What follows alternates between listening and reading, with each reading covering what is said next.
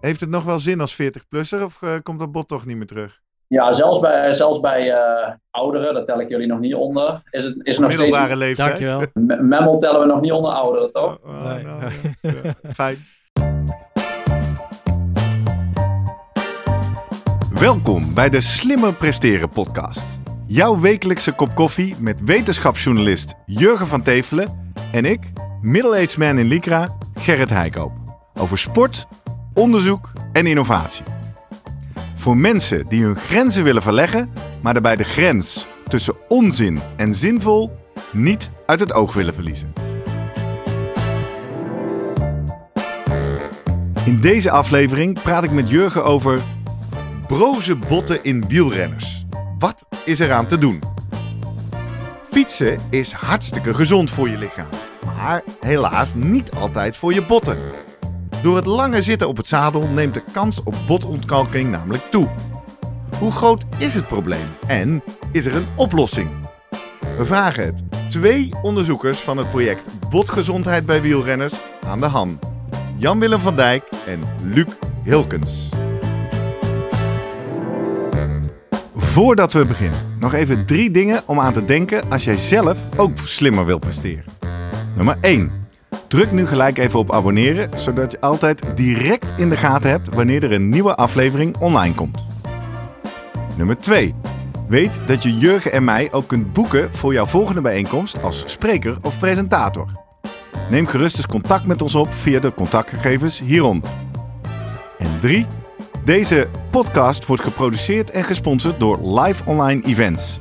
Serieus goede content rondom jouw congres of event.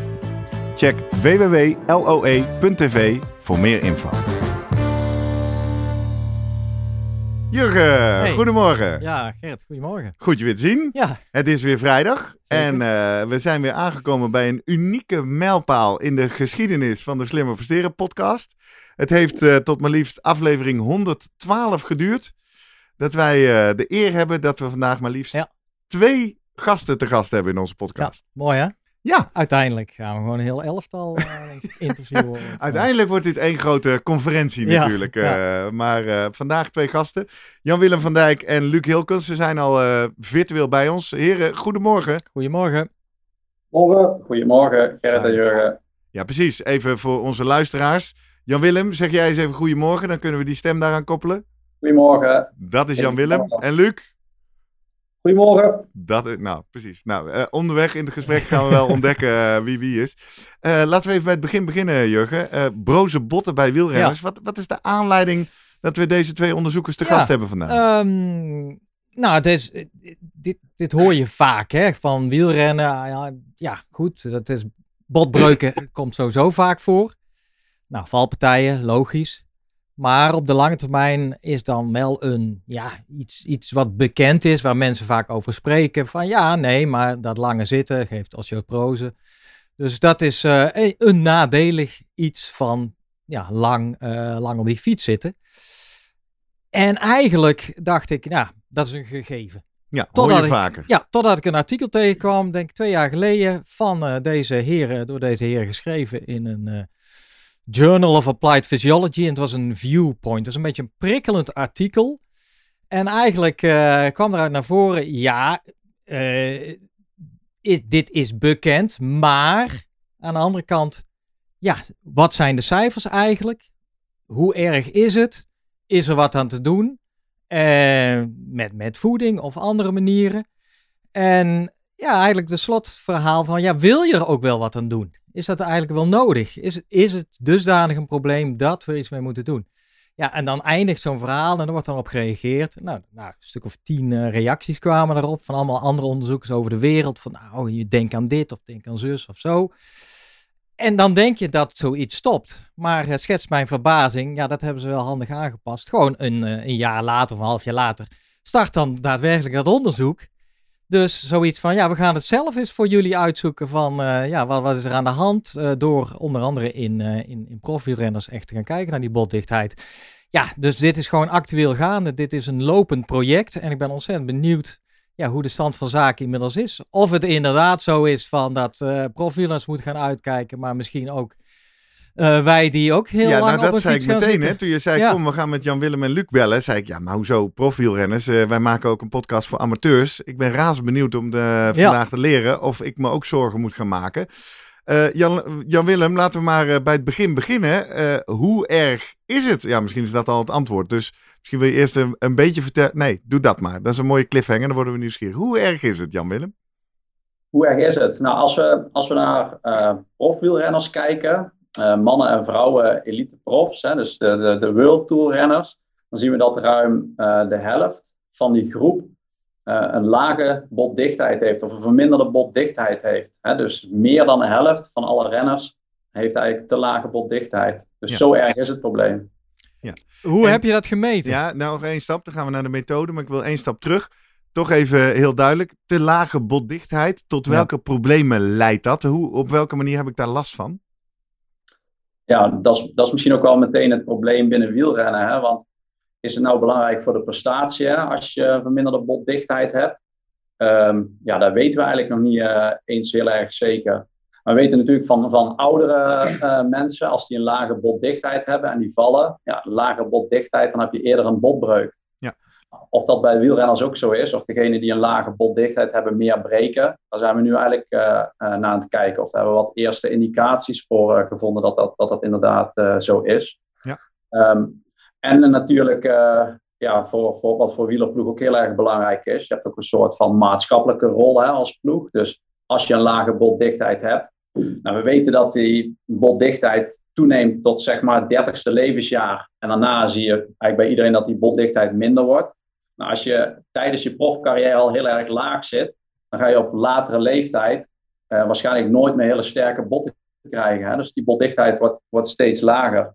En wellicht dat dan de, de eh, huidige renners die een lage botdichtheid hebben, ja, misschien wel op een 50ste, 60ste, eh, echt een extreem hoog risico Echte hebben. problemen hebben. Ja. Ja. Want zijn er, eh, ja, die anekdotische verhalen zijn er natuurlijk altijd van Wilco Kelderman valt, ja, dan breekt hij iets. Of Roglic tegenwoordig altijd. Terwijl andere renners, ja, die vallen misschien ook minder, maar die lijken daar minder last van te hebben.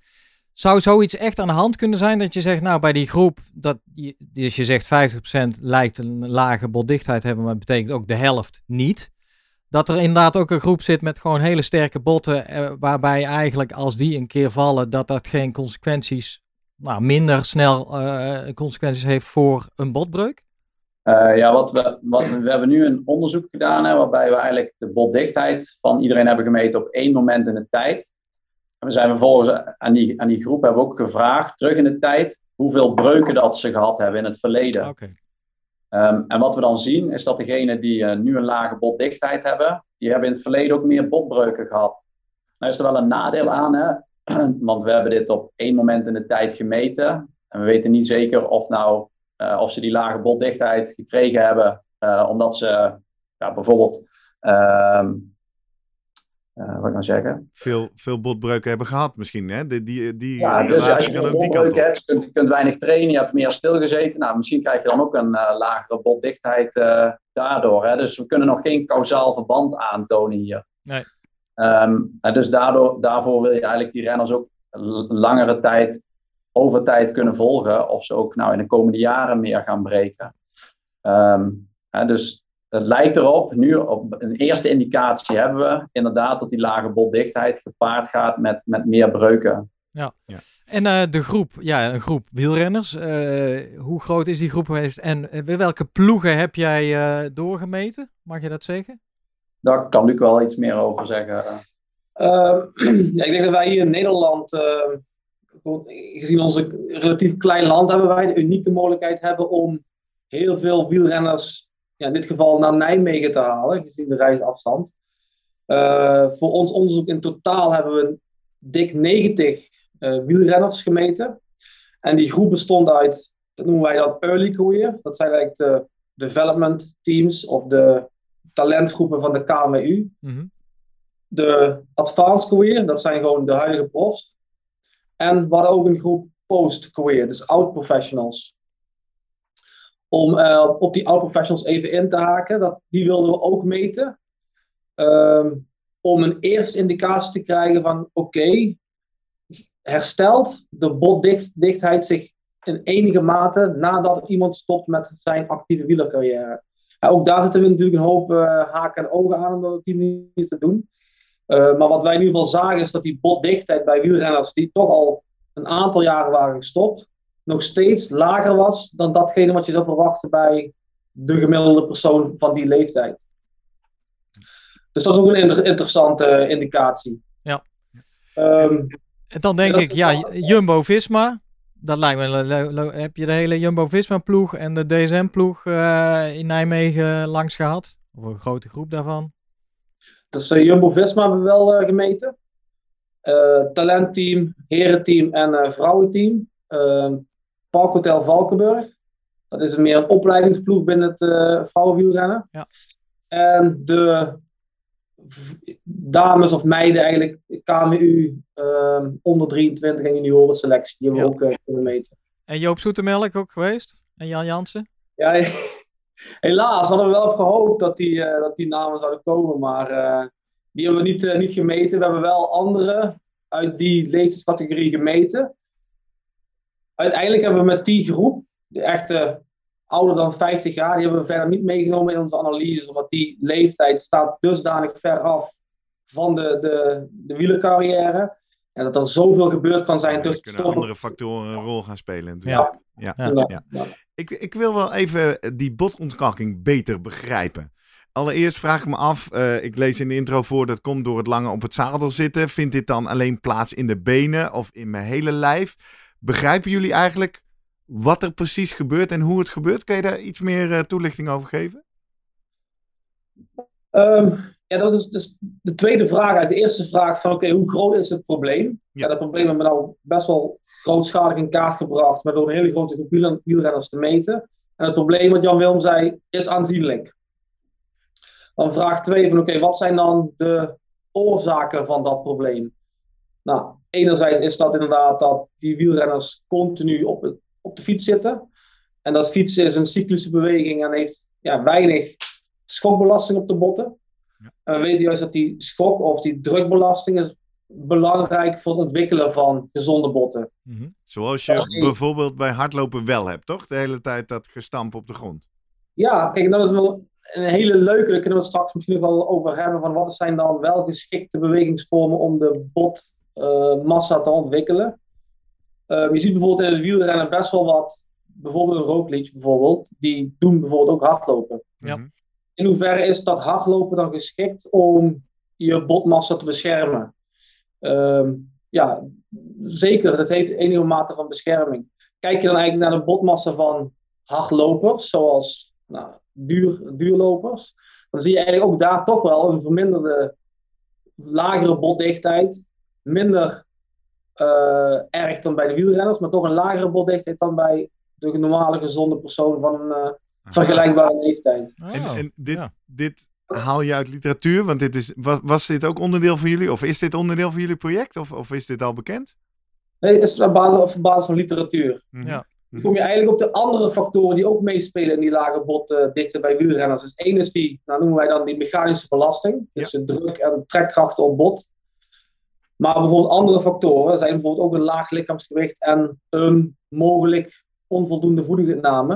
En dat zijn ook dingen die je vaak ziet bij hardlopers bijvoorbeeld. Ja, precies. En dat, dat zou wel een, een algemene topsport of duursportfenomeen kunnen zijn. Dat moet je natuurlijk uitsluiten voordat je dit soort wielrenconclusies gaat trekken. Ja, ja bij wielrennen heb je echt uh, de combinatie of alle, alle mogelijke risicofactoren die je hebt voor een lage botdichtheid, die komen bij elkaar. dus je hebt Um, die mechanische belasting die is heel erg laag. En dan zitten veel uren op de fiets. Nou, als je dan thuis komt en je, je, je gaat daarna televisie kijken, beentje omhoog. En eh, dan heb je heel weinig druk op de botten de rest van de dag. Nou, een lage energiebeschikbaarheid, dat zie je bij, bij uh, veel duursporters. Mm En dat eigenlijk relatief weinig wordt gegeten ten opzichte van energie die wordt gebruikt. Nou, bij wielrenners is het lichaamsgewicht ook heel erg belangrijk. Hè. Denk vooral aan de ronde renners, de klimmers die uh, zo hoog mogelijk uh, of zo laag, zo hoog mogelijk lichaamsgewicht tot power ratio willen creëren. en dan heb je nog een aantal factoren waarvan we nog niet echt zeker weten wat de bijdrage is. En dan kun je bijvoorbeeld denken aan calciumverlies tijdens, tijdens lange ritten, warme dagen. Als je heel veel zweet, gaat er ook calcium verloren met, met zweten. Nou, en als je calcium verliest en je verstoort eigenlijk de, het calciumniveau in je bloed, nou, dan in, in, het lichaam gaat dan zeg maar een soort uh, een, een, hormonale feedbackloop ontstaat daar, waardoor het lichaam weer wat calcium uit de botten gaat onttrekken, om ervoor te zorgen dat die calcium in het, in het bloed eigenlijk uh, op peil blijft. Ja. dus dat, dat is nog Willem, even heel scherp neerzetten waar jouw speculatie of je wetenschappelijke hypothese stopt en de feiten. Dus je zegt die hormonale cyclus, die zal denk ik bestaan. Maar jij, jij gooit net een proefballonnetje op, toch? Als ik je goed beluister. Het zou kunnen dat het heftig zweten ermee te maken heeft. Of weten we dat al? Nou, jij, dat is best moeilijk vast te stellen, omdat er heel veel factoren zijn. En uit, uit uh, acuut onderzoek, wat je op korte termijn doet, weet je dat, zo'n, dat een langdurige duurinspanning eigenlijk je um, calciumstofwisseling verstoort. Ja, dat, dat weten we gewoon. Ja, dat weten we. Ja. En en, en we zien dan ook bepaalde markers in het bloed. Uh, bijvoorbeeld uh, de botafbraak. Zie je dan dat die verhoogd is, uh, acuut. Maar een verhoogde botafbraak acuut wil nog niet direct zeggen dat het op lange termijn ook tot een lagere botdichtheid leidt. En dus daar zitten een paar aannames in. Van acuut weten we dat er, dat er daar iets gebeurt. Ja. Um, maar het is niet altijd zeker dat dat dus ook naar een lange termijn effect uh, vertaalt. ja, betekent dat als, het, als die, uh, die energie, ja, die, die relative energy deficiency, dat energietekort een belangrijke rol speelt, dat dus eigenlijk eh, alle botten zijn aangedaan, inderdaad. Ja, dat was een andere vraag, die ik had. Is dit vooral in de, in de benen, waar natuurlijk weinig mechanische belasting is? Of is dit iets wat door je hele lijf trekt? We zien dat uh, als wij de botdichtheid meten met een zogenaamde DEXA-scan, um, dan meten wij dat op het hele lichaamsniveau, dus het hele, de botdichtheid van het hele lichaam. We meten dat in de onderste ruggenwervels en we meten dat op de heup. Mm En eigenlijk zie je dat dan als iemand een lage botdichtheid heeft op één plek, een van die drie uh, genoemde plekken, dan is de botdichtheid ook laag op al die andere uh, plekken. dus dan zie je wel een duidelijke relatie tussen. Eigenlijk is het juist het omgekeerde, Gerrit. Juist op de heupen bijvoorbeeld zie je een iets betere botdichtheid dan op de uh, ruggenwervels of het hele lichaamsniveau bij wielrenners. Omdat juist daar wel ook spiercontractie aan zich, dat geeft ook trekkrachten aan het bot. Ja. Daardoor blijft die botmassa uh, iets beter behouden. Ja. Hey, maar je meet dus niet in het been, hoor ik tot een beetje mijn verbazing. Ik zou zeggen, je gaat eens in een scheenbeen of in een bovenbeen meten. Of, kan of dat niet? Uh, sleutelbeen, want die, die, die breken ze vaak. Dag, ik zou dat hele lichaam gaan scannen als ik jullie was. Ja, ja. ja we, meten, we meten het hele lichaam. en die scanner die geeft dan ook, je kan je bijvoorbeeld linkerbeen, rechterbeen, dat kan die wel uh, dat kan die ook aangeven. Um, sleutelbeen apart, niet dat, eh, dat geeft die scanner niet aan. Dat, is een hele goede reactie. Dat kregen we bijvoorbeeld ook gewoon terug tijdens onze gesprekken met bijvoorbeeld die uh, teams hè, van de performance managers. Hey, leuk onderzoek, goed gedaan. Uh, ik wil dikkere sleutelbenen, want dan kunnen ze langer door. we, weten gewoon dat die, de meeste breuken zijn gewoon op de, op de pols, slash onderarm en, uh, en de, het sleutelbeen. Ja dat is ook voor een, een, een, goede vraag voor. We hebben bijvoorbeeld ook een interventie, daar komen misschien zo wel op. Hoe kun je de botten versterken? Ja. Nou, wij hebben. Komen we zo op, want ik wil nog beter begrijpen wat, wat, we geleerd hebben uit de analyse. Maar misschien nog een, misschien nog een, uh, een toevoeging uh, daarop. Uh, die, die, die, ehm, dus het heeft ook wel een technische um, ja, technische achtergrond eigenlijk, hè, dat je niet alles los kunt meten. Kijk, een, een uh, DEXA van het hele lichaam, uh, zo'n scan gaat uh, best snel en dan krijg je de botdichtheid over het hele lichaam. Um, we kunnen nog de, de, bijvoorbeeld de ruggenwervels apart meten en dan wordt in wat hogere resolutie gemeten. Dat zijn eigenlijk wat betere scans dan wanneer we het hele lichaam meten. Hetzelfde geldt voor die heup. Die doen we nog apart meten en er wordt met wat hogere resolutie gemeten. Um, en ook in de klinische praktijk gebruik je altijd eigenlijk die ruggenwervels en de heup om lage botdichtheid en osteoporose uh, vast te stellen. En er is gewoon heel weinig referentiedata specifiek voor of een onderarm of voor het sleutelbeen. Uh, en het sleutelbeen zelf, die kunnen we ook niet, die kunnen we niet apart scannen in een hogere resolutie. Dat was meteen ook uh, goed dat je dat noemt, want jullie hebben het over een lage of te lage botdichtheid. En dan denk ik, ja, ten opzichte van. Ik denk een controlegroep, hè? Dus gewoon een, een uh, iemand van uh, mensen van dezelfde leeftijd, geslacht, et cetera. Ja, waar zit je tegenaf, is eigenlijk je vraag. Ja, maar is het ook klinisch relevant? Is het ook dat een, een klinicus, een dokter zegt van ja, dit is echt te laag, hier moet iets gebeuren. Deze, moet, deze persoon moet behandeld worden. Ja, dat is, een goede vraag. Kijk, als we botdichtheid meten, dan werken we normaal met uh, Z-scores. Uh, of met T-scores, voor deze leeftijd groep Z-scores. En dan kun je eigenlijk zien als uh, de mate waar, waar, waarmee iemand afwijkt van een referentiepopulatie. En die referentiepopulatie, dat is eigenlijk de populatie, ja, die is gewoon op een hele grote groep uh, mensen gemeten. En daar ga je eigenlijk kijken, oké, hoe verhoudt die groep wielrenners zich nou ten opzichte van die referentiepopulatie? En dan worden daar Z-scores voor gehanteerd. Dus dit hele principe is best lastig uit te leggen. Een Z-score van min 1, dan zit je zeg maar bij de, bij de laagste 16% van je, uh, uh, van je referentiepopulatie. Een Z-score van min 2, dan zit je bij de laagste 2,5% van je, van je referentiepopulatie. Um, nou, we zien dat, dat juist bij die groep wielrenners, dat er heel veel onder de min 1 en de min 2 zitten. Hè? Dus die zitten bij het, bij het laagste, uh, zeg maar het laagste partje van de referentiepopulatie. Um, en dat zijn ook klinisch, uh, klinisch relevante waarden die gebruikt worden. Hebben we dit met een, een uh, hoogleraar op het gebied van botgezondheid besproken. tevens tevens endocrinoloog. En die mhm. zegt, die waarden die je hier ziet bij wielrenners, uh, het is eigenlijk gek dat die niet behandeld worden, want het is, wel, is, wel, heel extreem wat, uh, wat we hier zien. Ja, ah. ja. Hey, en dan uh, nog een beetje om een beetje te stoeien met het onderzoek, hè? en om, om ook echt goed te snappen. Een ander idee wat ik meteen had toen we hierover nadachten. Is dit niet een soort natuurlijke selectie? Hè? We kennen natuurlijk allemaal de uitdrukking: ik heb zware botten. Ja. Dus uh, misschien moet je dan wel niet op een wielrenfiets gaan zitten. Is het niet ook zo dat als je succesvol wielrenner wil worden, moet je licht zijn? Je noemde het al, risicofactor. Is, is een beetje broze, dunne botten misschien niet gewoon een factor wat zorgt dat je een goede wielrenner wordt? Ja, dit, dit, dit, is ook al, dit is een punt, kwam ook gewoon terug in, in, dat viewpoint dat we hebben geschreven. Was één reactie was letterlijk, uh, ja, als je, als je wil winnen in het wielrennen, Um, mag dat ten koste gaan van alles, zelfs ten koste van je botgezondheid. Dus een beetje lichtere botten, die gaan je wellicht ook helpen om... Nee, Oké, uh, maar daar, ga, daar, gaat er al vanuit dat er een relatie ligt tussen wielrennen en broze botten. Maar ik zit te denken, is het gewoon al niet een soort ingangsding uh, dat ja. mensen die lichtere of dunnere of brozere botten hebben, het goed doen bij het wielrennen? Mm, ik denk niet dat dat zo is. Uh, Oké. Um, kijk, we zien, we zien bijvoorbeeld uh, bij, bij uh, die groep wielrenners die we gemeten hebben, hebben ook gekeken wat hun sportverleden was. Ja.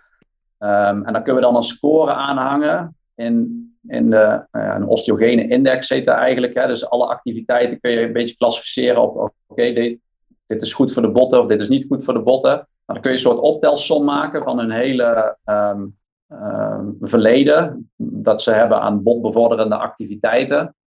En dan zien we dat uh, degene die gewoon veel uh, osteogene, botbevorderende activiteiten gedaan hebben in het verleden, zie je gewoon dat ook sterkere botten hebben op het moment dat ze wielrennen. Ja. Uh, ik denk nu bijvoorbeeld aan een Remco Evenepoel, die tot uh, hele hoge leeftijd gevoetbald heeft. Ja, bij hem verwacht ik absoluut geen problemen met zijn botdichtheid, terwijl het echt to toch een topper is in het wielrennen. Ja, ja. ja. Nou, ik ja. van hem op botgezondheid, maar ik verwacht dat hij hoog gaat zitten, omdat hij voetbal heeft gedaan. Ja, dat is per definitie een sport. Um, waarbij je echt een hele gunstige belasting hebt voor je, voor je botten. Ja, nee, dat geldt dan ook voor Tom Dumoulin. Die hebben jullie wel gemeten misschien. Die heeft ook lange tijd gevoetbald. Ja, minder hoog niveau misschien. Maar uh, nee, want eigenlijk ze hebben allemaal een relatief laag BMI. Dat is gewoon een gegeven. Denk, ja, behalve misschien wat sprinters natuurlijk die jullie gemeten hebben. Maar je zegt nog steeds, heeft 50% een, nou ja, zit boven het gemiddelde of in ieder geval... Dikke, uh, zware, goed uh, ja. gevoede botten. Ja, ja, ja, En uiteindelijk, want dat zag ik ook in dat commentaar, dat jullie daarop schreven, ja, maar ja, hoeveel gram scheelt dat uiteindelijk een zwaar bot ten opzichte van een licht bot? Dat maakt het verschil niet echt als je straks die Alpe d'Huez op moet uh, begrijpen. Dat gaat om een paar honderd gram, hè, geloof ik, totaal. ja, die, die auteurs die met die reactie kwamen, die kwamen met, uh, met toch andere getallen. Maar Ja, ja. op basis van onze eigen metingen zien we gewoon dat het een verschil kan zijn tussen een, een, een goede botdichtheid versus een slechte botdichtheid. Dan moet je denken aan 100 tot misschien 300 gram. eh, wat Ja. wij, eh, Ja. Wij zien. En dan met de risico's van breuken die dat Ja. met zich meebrengt, is dat het natuurlijk nooit waard. Ja, je, je- ik dacht nog, zijn er nog andere ehm, ja, gevolgen voor het lichaam behalve botbreuken van osteoporose? Eh, lees, eh, ik, ik heb ooit altijd geleerd beenmerg, belangrijk voor aanmaak eh, bloedcellen. Is daar een link inderdaad van dat een, een zwakke botgezondheid ook gevolgen kan hebben voor die aanmaak van, ja, van nieuwe bloedcellen? Bijvoorbeeld? Dus dat is wel een, een heel interessant punt. En ook voor ons iets interessants om juist hiernaar te kijken. Want dat geeft ook voor de wielrenner dan weer een extra eh, motivatie om aan de botgezondheid te werken. Mocht dat echt zo zijn. Mhm. Want hè, die aanmaak van die bloedcellen die vindt inderdaad plaats in het orgaan dat bot heet. En dat orgaan is toch aangedaan. Dus zou je dan mogelijk verwachten dat ook dat proces, het aanmaken van eh, nieuwe bloedcellen, dat dat dan aangedaan is. Ja. Eh, maar eigenlijk, als je kijkt in de literatuur, dan is daar, ja, dat, daar, daar vinden wij eigenlijk niks over. Ah, Oké. Geen aanwijzing voor. Het is ook iets waar wij graag naar willen kijken, maar ik heb ook met Jan Willem wel eens discussies over van, ja, op welke manier dat dan ook goed te kunnen meten. Daar zitten nog wel wat, eh, Ja. Want eh, simpel een relatie tussen slechte botgezondheid zoals jullie die meten, een DEXA-scan en ja, pak een beet hematocriet of de, de eh, eh, ja, EPO-concentraties. Ja, zo simpel is het, is het niet.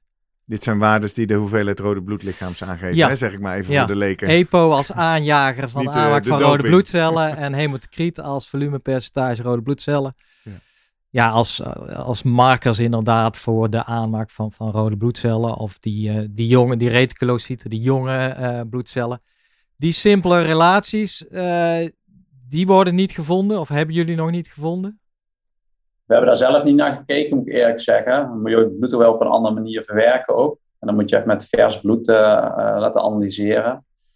Ehm, dus we hebben daar niet naar gekeken. En in de literatuur is dat ook niet bekend, Jurgen. Dus, Ja. ehm, maar we hebben, er zelf, we hebben er ook al aan gedacht. Hè? Ook, het is niet alleen aanmaak van rode bloedcellen. Het bot heeft ook, die eh, scheidt ook hormonen uit. Hè? Die bijvoorbeeld weer bij het glucose-metabolisme, bij de glucosehuishouding eh, betrokken Ja. zijn. Hè? Dus dat zou ook kunnen. Nou, wij vinden nu vooral hè, een, een lagere botmineraaldichtheid. Maar dat wil niet zeggen dat de andere functies per se van het bot, dat die ook zijn aangedaan. Onder druk. En ehm, Ja. ja, ja dat, dat, is, dat is nu echt eh, de vraag. Dus, Ja. dus, eh, Ik kom allemaal nog vragen boven. En Luc begint al over de motivatie om er iets aan te doen. Ja. Dat is de hoop, hè? Want eh, Ja. jullie zijn ook op zoek naar eh, manieren om dit eh, tegen te gaan of eh, te helpen. Maar ik heb nog, eh, ik had- dacht één, maar nu alweer twee eh, verhelderende vragen. Eén gaat over in hoeverre hebben jullie in deze onderzoekspopulatie niet meegenomen. Maar kun je iets zeggen in hoeverre dit relevant is voor amateurs? Hè? Wan- wanneer is nou een soort drempel dat je zegt, nou als je zoveel op de fiets zit, misschien kan je het nog niet zeggen. Maar ik ga nog één stap daarvoor zetten. Je zegt 50 of iets meer dan 50% van die profs of goede wielrenners die hebben getest, heeft het. Heb je ook een link gelegd met de prestatie? Zijn dat de winnaars of de verliezers? Eh, eerst, eerst die vraag over de. eh, jij en ik, een normale, de normale fietser. Nou, ik denk jij iets meer dan, dan mij. Maar ehm, dat, is, dat is al bekend. Op basis van literatuur weten we gewoon dat ook eh, fietsen aan zich, en ook gewoon een recreatieve fietser, die heeft gemiddeld gezien een lagere botdichtheid dan een controle. Dat is dus noem even een, een, een normaal gezonde controlepersoon. Ja.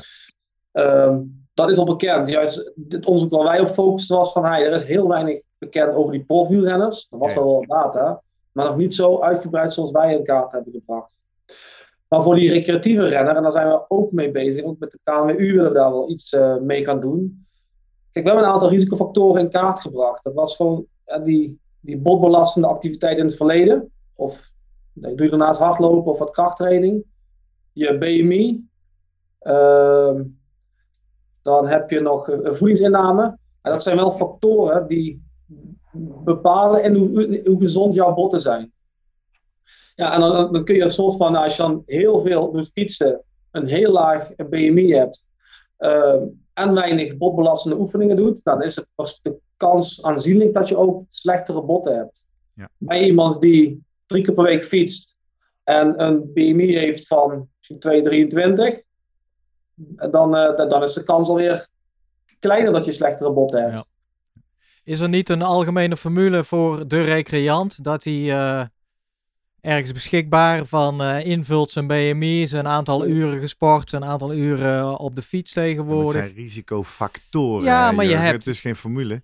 Nou, jij hebt, nou ja, maar goed, je, bijvoorbeeld voor jouw kans op hart- en vaatziekten, daar zijn allerlei van die uh, websitejes. risicoberekeningen. Maar die worden ook in de kliniek gebruikt eigenlijk. Of in ieder geval. Maar volgens mij gaan we toe naar het recept als je veel fietst. Dan hebben deze heren dadelijk wat advies. Maar ik wil nog even die vraag over de prestatie uh, weten.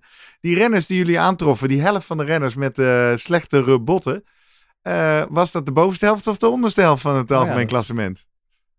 Nou, kunnen geen namen noemen hier natuurlijk. Maar, uiteraard, dat begrijp ik. Maar heeft het een effect op de prestatie, wil ik maar zeggen? Bij degenen die heel laag zitten, zitten ook hele goede renners bij. Hmm. Die topklasseringen rijden in de grote rondes. Dus uh, dat, dat hoeft niet. Uh, het is niet zo. Of ik denk niet dat dat uh, acuut de prestatie heel erg beïnvloedt. Um, maar we weten natuurlijk niet als diegene een betere botgezondheid zou hebben, oh hoe de prestatie dan geweest zou zijn. Helder, helder. Maar ik, ik werd erdoor getriggerd omdat jij net iets zei. Het gaat over aanmaak rode bloedlichamen, belangrijk voor zuurstofopname. Maar jij noemde net zelf ook, Jan-Willem, het gaat misschien ook wel uh, ingrijpen op het proces over uh, koolhydraatopname ja. of glucoseopname. En toen dacht ik, wacht even. Maar dat zijn wel twee factoren die enorm effect kunnen hebben op je prestatie. Dus ik was even nieuwsgierig of je die relatie ziet. Maar dat, dat zie je in eerste aanleg dus niet. Nee, ja, op basis van deze indicatie lijkt dat inderdaad niet het geval te zijn. Maar dan wordt het inderdaad het punt van: oké, dan horen die renners dat, of de ploegleiders, ik weet niet wie, uh, wie de, de, de, data te zien krijgen.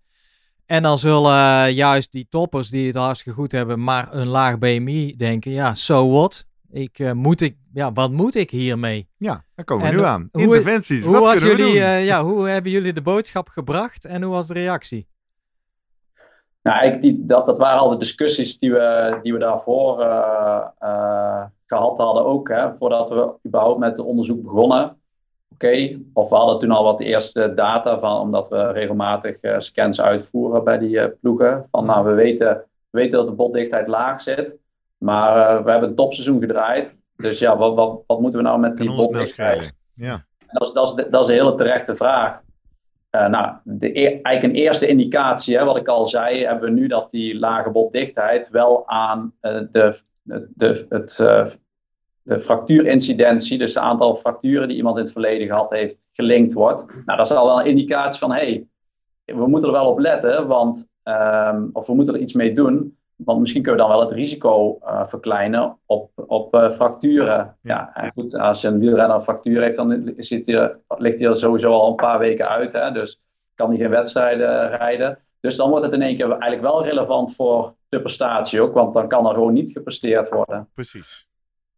Um, dus dat is een, uh, dat is een belangrijke factor. En dan nog, um, gisteren hadden we toevallig ook een gesprek met, met de wielerploeg.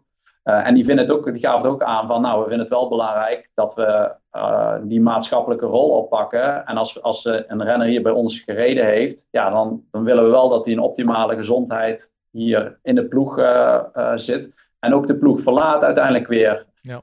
Um, ja. Dus ook daar, zit een, ook daar zit een link waardoor ja, het wel wenselijk is om, hier, uh, om hierop in te grijpen en dit te gaan behandelen. Ja, en daar dus ook dan de link naar onze amateur wielrenner luisteraars. Uh, luister nog even door, want uh, er zijn een aantal dingen aan te doen. Hoor ik tussen jullie zinnen door en, en zag ik op jullie website. Wat, wat hebben jullie getest of geleerd aan, aan mogelijke interventies om dit proces ofwel tegen te gaan of, of, of te verhelpen? Uh, kijk, de twee dingen zijn gewoon echt belangrijk. En wij vanuit de sport- en inspanningsfysiologie kijken natuurlijk altijd naar sport- of beweeginterventies en of uh, voedingsinterventies. En we weten gewoon dat die drukbelasting, uh, gewichtdragende activiteit, dat dat helpt om je botgezondheid te verbeteren of je botten gezond te houden. Uh, we hebben ook echt een eh, onderzoek uitgevoerd onder een deel van deze eh, groepen wielrenners. Ze waren ook allemaal elite wielrenners of, of profwielrenners.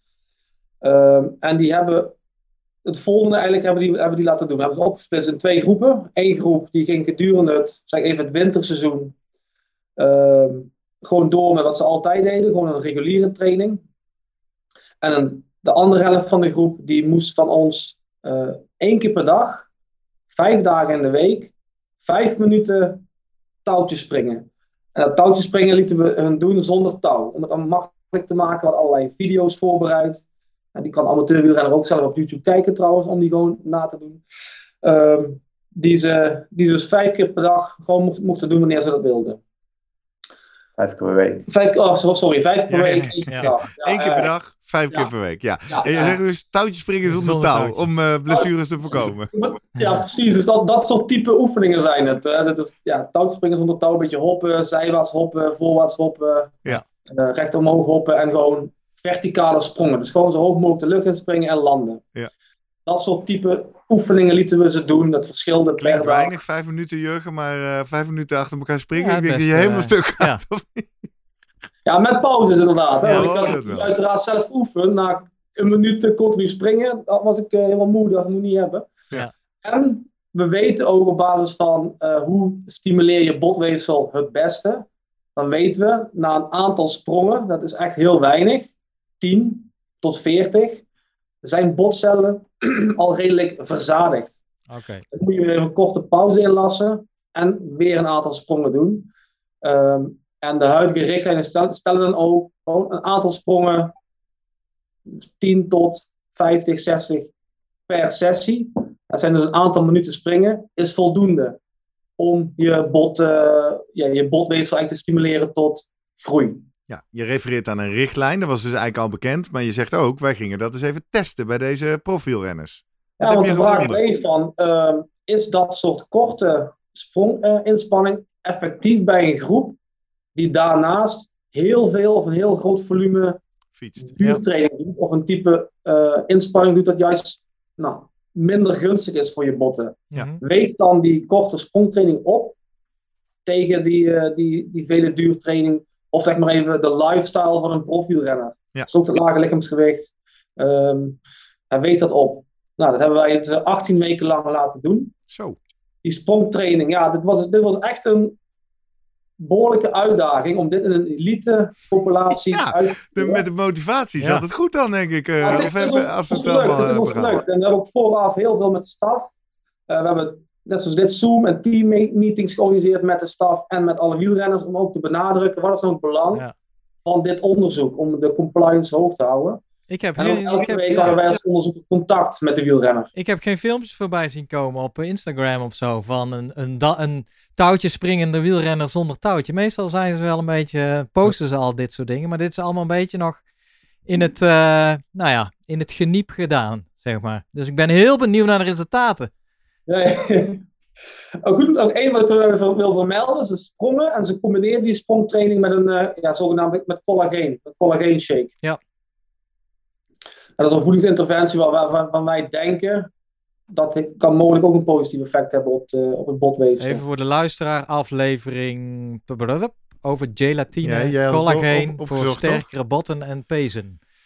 Die hebben wij, daar hebben we het in het verleden over gehad. Ja. En eh, Toen kwamen we wel tot de conclusie, gewoon snoepen heeft geen zin. Maar de studie had aangetoond de relatie tussen collageen eten en dan meteen bewegen. En dat is dus Ja. eigenlijk het protocol wat je hier ook beschrijft, Luc. oké. Ja. Nou, ga verder. Wat heb je Nou, dus, dus die groepen die sprong en die namen die collageen shake 18 weken lang. De andere groep die deed gewoon een normale training. Voor en na die 18 weken hebben we een DEXA-scan gedaan. En ehm, wij vonden dat op de heup, dus de scan van de heup, zagen wij een betere botdichtheid na 18 weken in vergelijking met die controlegroep. Op de andere, op de whole body level, op de lumbale wervels, vonden we daar geen verschillen. Hmm. En ook dan wil dit ik is meteen ook weten, Luc, op die heup. Een heel klein beetje verschil, zodat het net wel significant was? Of echt wel relevant verschil? Nou ja, kijk, wij, wij vinden het eh, relevant, omdat binnen 18 weken is best een hele korte tijd. Ja. Kan dit soort type training toch ervoor zorgen dat de botdichtheid behouden wordt bij een elite populatie die ehm, een lage botgezondheid heeft. Ja. Maar ik heb goed opgelet, dacht ik. Eh, die heup was al goed, was al sterker, Oh ja. zei je Oh. eerder. Heel goed, Jurgen. Heel Ja. goed. Die, Dus ehm, ja, dan denk ik al helemaal. Ja, die Nee, ja, omdat ik daar was het probleem al niet bij die ik heup. merk zelf ook, ik zou, ik zou dolgraag iedere dag vijf Ja. minuten gaan touwtje springen zonder touw.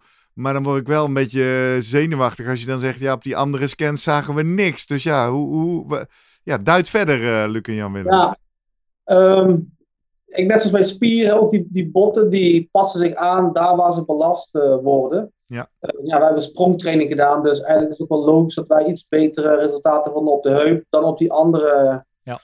eh, andere metingen.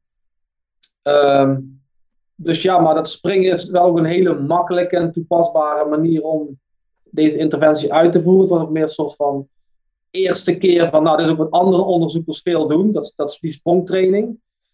En nu staan we toch weer voor de vraag, ook de feedback die we kregen van de ploegen. Oké, inderdaad, hoe kunnen we dat dan ook zo dat dat sleutelbeen en of, dat, of die pols ook eh, beter? Ja, maar nou verwar je mij toch weer een beetje. Ik vroeg eerder die, die botdichtheid. En je, je hebt al uitgelegd hoor, je kan het niet helemaal plaatsspecifiek meten. Maar is dat nou met name in je benen omdat je op het zadel zit en daar de benen niet belast? Of, of heeft het een effect door je hele lichaam? En nu hoor ik je eigenlijk ook weer zeggen, de interventie Mhm. was met name op de benen. Dus ik verwacht in het bot. Dus. Ja. inderdaad, wat, wat moet ik dan doen om mijn pols, eh, bovenarmen of sleutelbenen te versterken?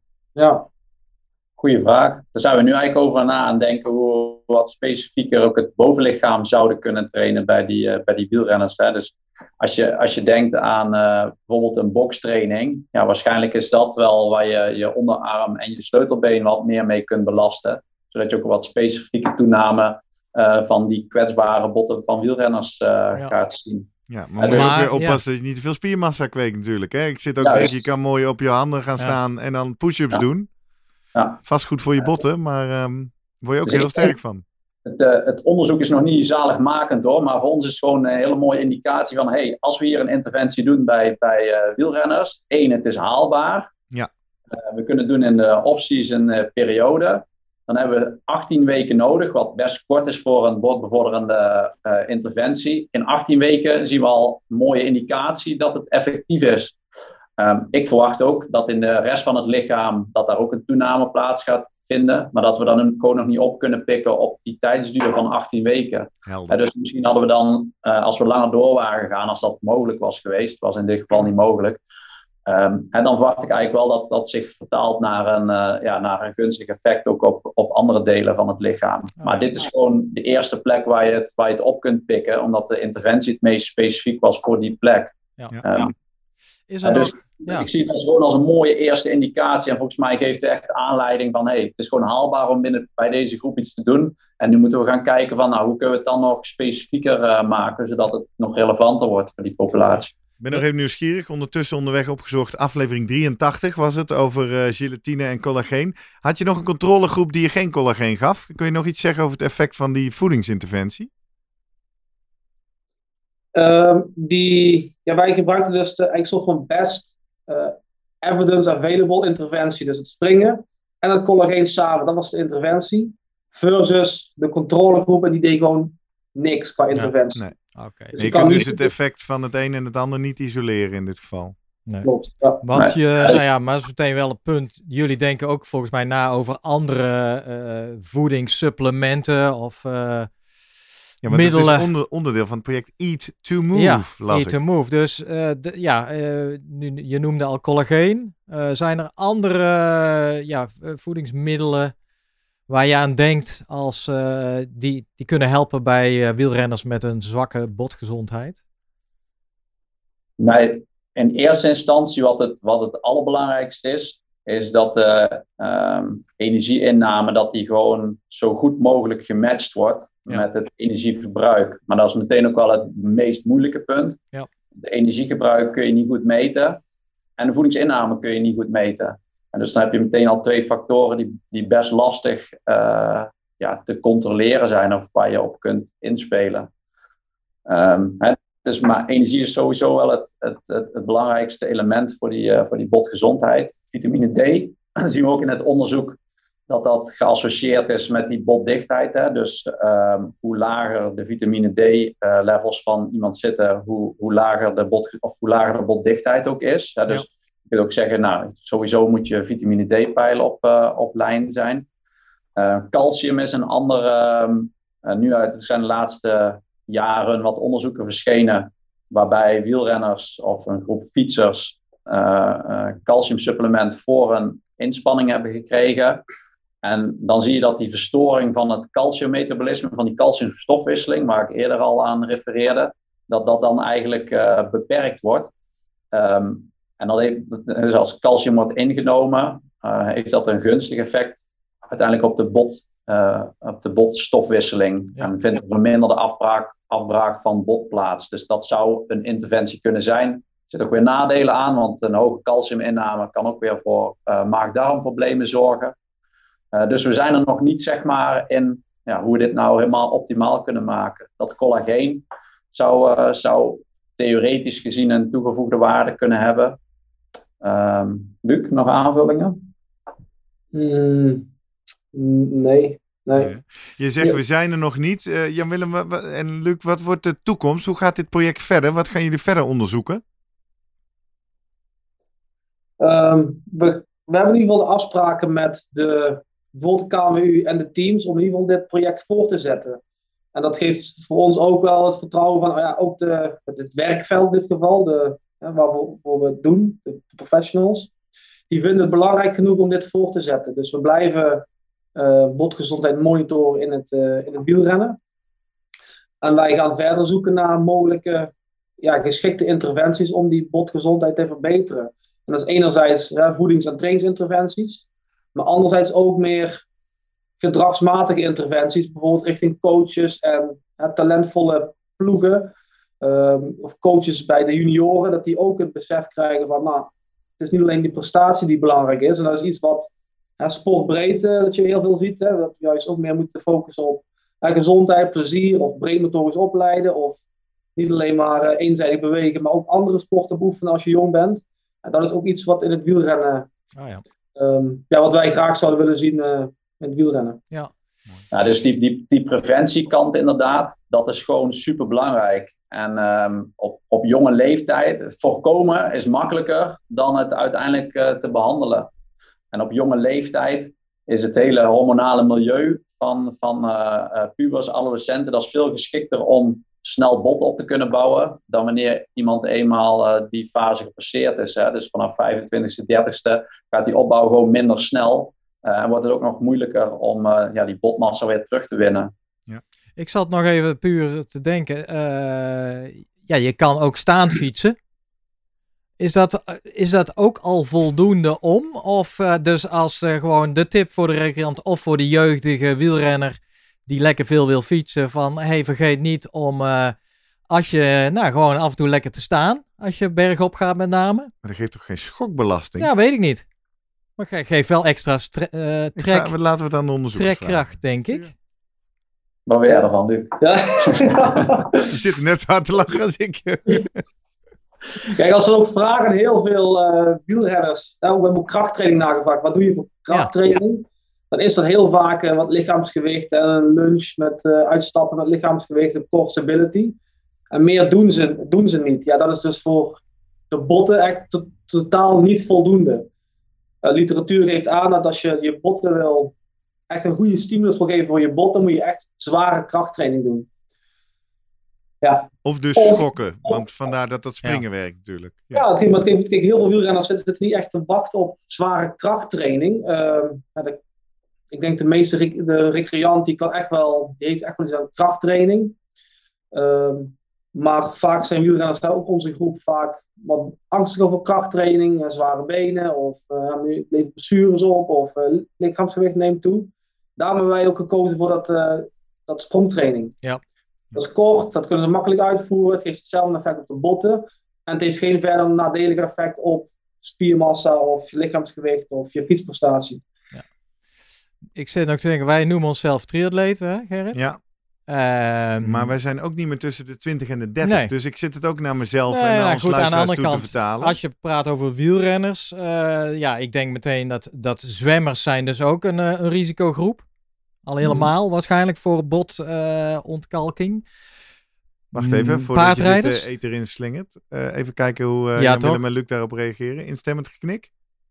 Ja, zwemmers, eh, zwemmers zijn inderdaad ook, eh, hè, dat is geen gewichtsdragende sport.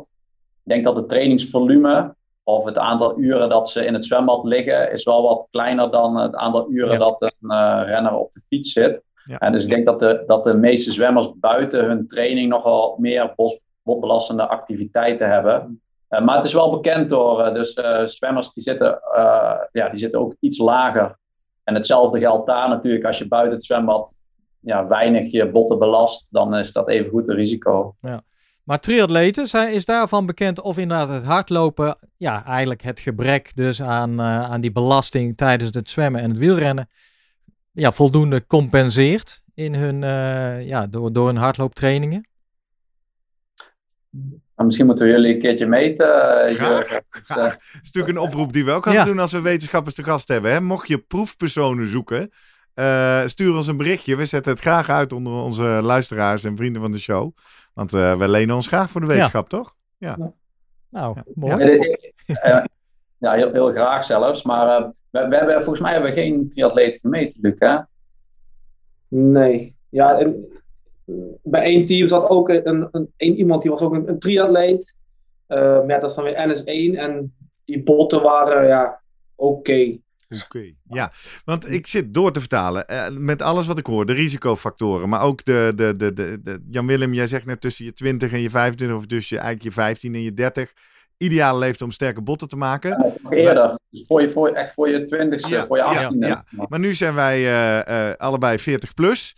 Ehm, ik hoor ook 50% kans. Dus ik zou eigenlijk in eerste instantie eens moeten weten of ik een risicogeval ben of niet. En, en zo ja, zou je me dan aanraden dat ik inderdaad eens eh, vijf keer in de week vijf minuten eh, sprongoefeningen ga doen? Of zeg je, dat is sowieso een goed idee? Ehm, dat is een goede vraag. Ik denk op zich dat het wel, eh, dat het wel raadzaam is. Maar ik denk dat het vooral belangrijk is dat je iets kiest wat voor jou haalbaar is. Eh, dus dat, dat, zou krachttraining kunnen zijn. Als je zegt van nou dat is lastig, dan kan dat eh, sprongoefeningen zijn. Ehm, ook die optimale frequentie is nog niet bekend. Hè? Ehm, dus misschien dat drie keer in de week ook al genoeg is om dat eh, effect te behalen, of twee keer in de week. Ehm, dus daar zijn we ook nog wel naar op zoek van ja, wat, Ja. wat is nou een, een ideale stimulus of een minimale stimulus voor een maximaal effect. Daar, En, En die leeftijd, heeft het nog wel zin als 40-plusser of komt dat bot toch niet meer terug? Ja, zelfs bij, zelfs bij eh, ouderen, dat tel ik jullie nog niet onder, is het is nog steeds Middelbare leeftijd. Dankjewel. memmel tellen we nog niet onder ouderen, toch? Oh, oh, Nee. nou, ja, ja. Fijn. Ehm, dat is nog zeker mogelijk om wat eh botmassa terug te winnen, maar dat, gaat, dat, gaat, dat, dat is wel moeilijker eh, eh, dan, bij, eh, dan bij de jeugd. Ja. Eh, maar het is zeker mogelijk. Ja. Of het uiteindelijk eh, in één keer van, of je van een hele slechte botgezondheid naar een optimale botgezondheid gaat komen, dat denk ik niet. Daarvoor is die preventie en die jeugdjaren zijn daar veel te belangrijk voor. Nou, ik zit toch te denken, krachttraining is ook onderdeel van de beweegrichtlijnen hè, tegenwoordig. In ieder geval voor eh, vanaf een bepaalde leeftijd. Is dat inderdaad ook met het zicht al op, eh, op de botten toen opgesteld, wat jullie weten? Of is het een, eigenlijk toevallig, komt mooi samen dat je, nou ja, puur voor spierversterkende oefeningen, dat die vaak ah, door middel van krachttraining ook goed zullen zijn voor de botten? Of Nee, denken jullie dat in het, eh, de toekomst we, laat ik het zo vragen, de beweeglijnen uitgebreid kunnen gaan worden met touwtje springen zonder touwtje? Dat is wel de quote van deze aflevering. Hè? Het- het- Jurgen, volgens mij in de richtlijnen staat al nu al ehm, ja, Hier en bot. spier- en botversterkende Ah, Oké. Oefeningen. Dus het, het, zit er al, het zit er al in. Ehm, en die zijn ook best wel breed en algemeen. Hè? Volgens mij dat gewoon je boodschappentas de trap opdragen is al eh, spier- en botversterkend. Nou, en zelfs als je in de richtlijn, of in de, nou een meetinstrument om te kijken of iemand aan de richtlijn voldoet, daar, daar staat fietsen in als botversterkende oefening. Hmm. Bij deze moeten we daar eigenlijk meteen corrigeren in die richtlijn. Fietsen Ja. is geen botversterkende oefening. Nee, Nee. dat is niet goed voor het vertrouwen in Apart, alle richtlijnen en eh, overheidscommunicatie die op ons afkomt. Maar eh, hopelijk luistert er iemand dicht bij het vuur Ja. en eh, kan zorgen dat dat even doorgestreept wordt. Ja, net als al die profwielrenners die... Ja, Die en, en al die fanatieke zijn, amateurs en alle, Ja. alle trainers. Ik weet inmiddels, we hebben ook een legertje eh, fanatieke trainers van amateurs. Eh, laat die bij deze ook gewaarschuwd zijn. Geef ze maar ook eh, vijf minuten springen erbij, regelmatig. Want eh, dat lijkt me dan toch ook een gevalletje, baat het niet, dan schaadt het niet. Ik hoor nu Ja, maar Martin- dat zou... Sorry, Gerrit. Ja, ja. En het, zou, het zou bijvoorbeeld ook gewoon eh, voetbal kunnen zijn of basketbal tussendoor of volleybal hè, bij die jeugd. Het hoeft, hoeft echt niet eh, springen te zijn als dat, eh, als dat eh, saai Ja. is voor mensen. Precies, precies. Ik wou zeggen, ik hoor Martin Breda kan zeggen, ja, je kunt alles wel erbij gaan doen. De tijd is beperkt, hè? dus moet ik nou Juist. liever Ja. springen dan slapen? Nou, dan denk ik dat ik het antwoord wel weet. Ga maar op tijd naar bed. Ehm, mooi. Eh, Jan-Willem, Luc, is er nog iets wat we helemaal gemist hebben in dit kader? Of wat jullie nog graag kwijt willen? Nee. Ik eh, vind het wel een helder Ja. verhaal. Ik heb veel geleerd. Ik wanneer, eh, want Luc, volgens mij ben jij aan het, aan het promoveren op dit project, klopt het? Ja, klopt. En eh, hoe, eh, ja, hoe ver zit je in je traject? Eh, nu mijn derde jaar. Oké, dus je hebt... Dus er komen nog wel wat ja. papers uit, wou je zeggen. Zeker. Hou ze in de gaten, Ja. deze mannen. ja. Ja. We, we zitten, we zitten echt te wachten, met smart te wachten op dat eh ene artikel eh, geaccepteerd wordt bij een eh, wetenschappelijk tijdschrift. Dus hopelijk duurt dat niet meer te lang. Nou, dan zullen wij er ook aandacht aan geven. En, Denk het eh, ook, hè? Ja, En eh, alle links naar jullie contactgegevens, naar jullie project, staan natuurlijk in onze show notes. Die vind je overal. Ik ga zo vertellen waar het allemaal is. Maar voordat ik dat wil doen, wil ik even stilstaan bij een andere mooie mijlpaal. Los van dat we na 112 afleveringen twee gasten hebben gehad. Dank voor eh, al jullie eh, kennis en inzichten, Jan-Willem van Dijk en Luc Hilkens. Super om jullie bij ons te hebben. Drop ik even nog wat namen, want eh kleine twee weken geleden riep ik af dat we even lekker advertentievrij zijn. Mhm. Maar dat we natuurlijk alle steun kunnen gebruiken. Nou, dat heb ik geweten, Jurgen.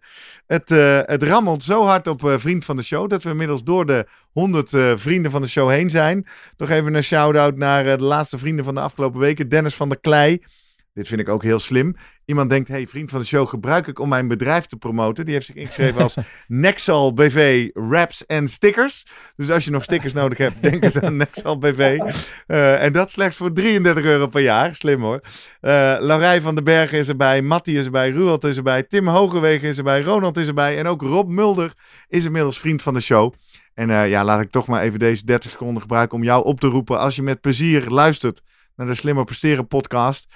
Eh, wij steken daar heel veel liefdewerk, oud papier, passie en energie in. Maar het helpt toch ook wel af en toe om eh, dat een beetje financieel te bedruipen. Ga naar vriendvandeshow.nl slash slimmerpodcast.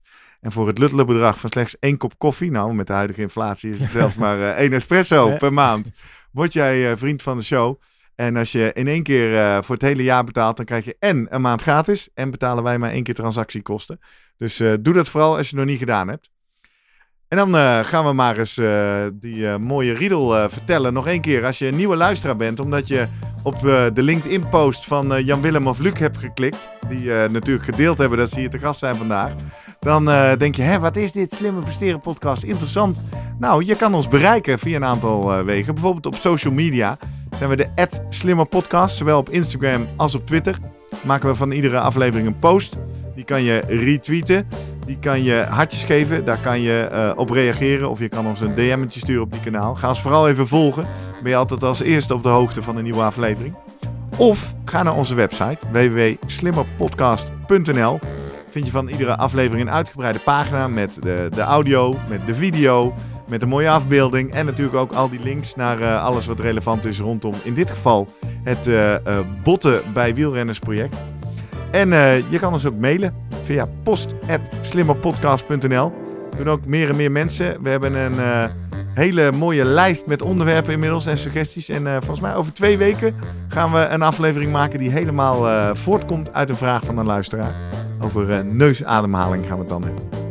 Maar dit was de aflevering over broze botten bij wielrenners. Volgende week sportpsychologie op de agenda. Ah, Ik ben kijk. op de, op de sofa gegaan bij eh, de wielrenpsycholoog. Dus eh, als je dat leuk lijkt om te luisteren, ga ons vooral volgen, abonneer je. En dan zien we je volgende week terug. Jan-Willem, Luc, eh, dank voor jullie aanwezigheid in onze podcast. succes. Het was, was, leuk om er te zijn Ja. een keer. Ja, en we hopen als jullie eh, nieuws hebben of proefpersonen nodig hebben, dat Ja. jullie ons eh, weten te vinden. Ja, Zeker. Goed zo. Jurgen, dankjewel. ja, graag gedaan. Tot volgende week. Tot volgende week.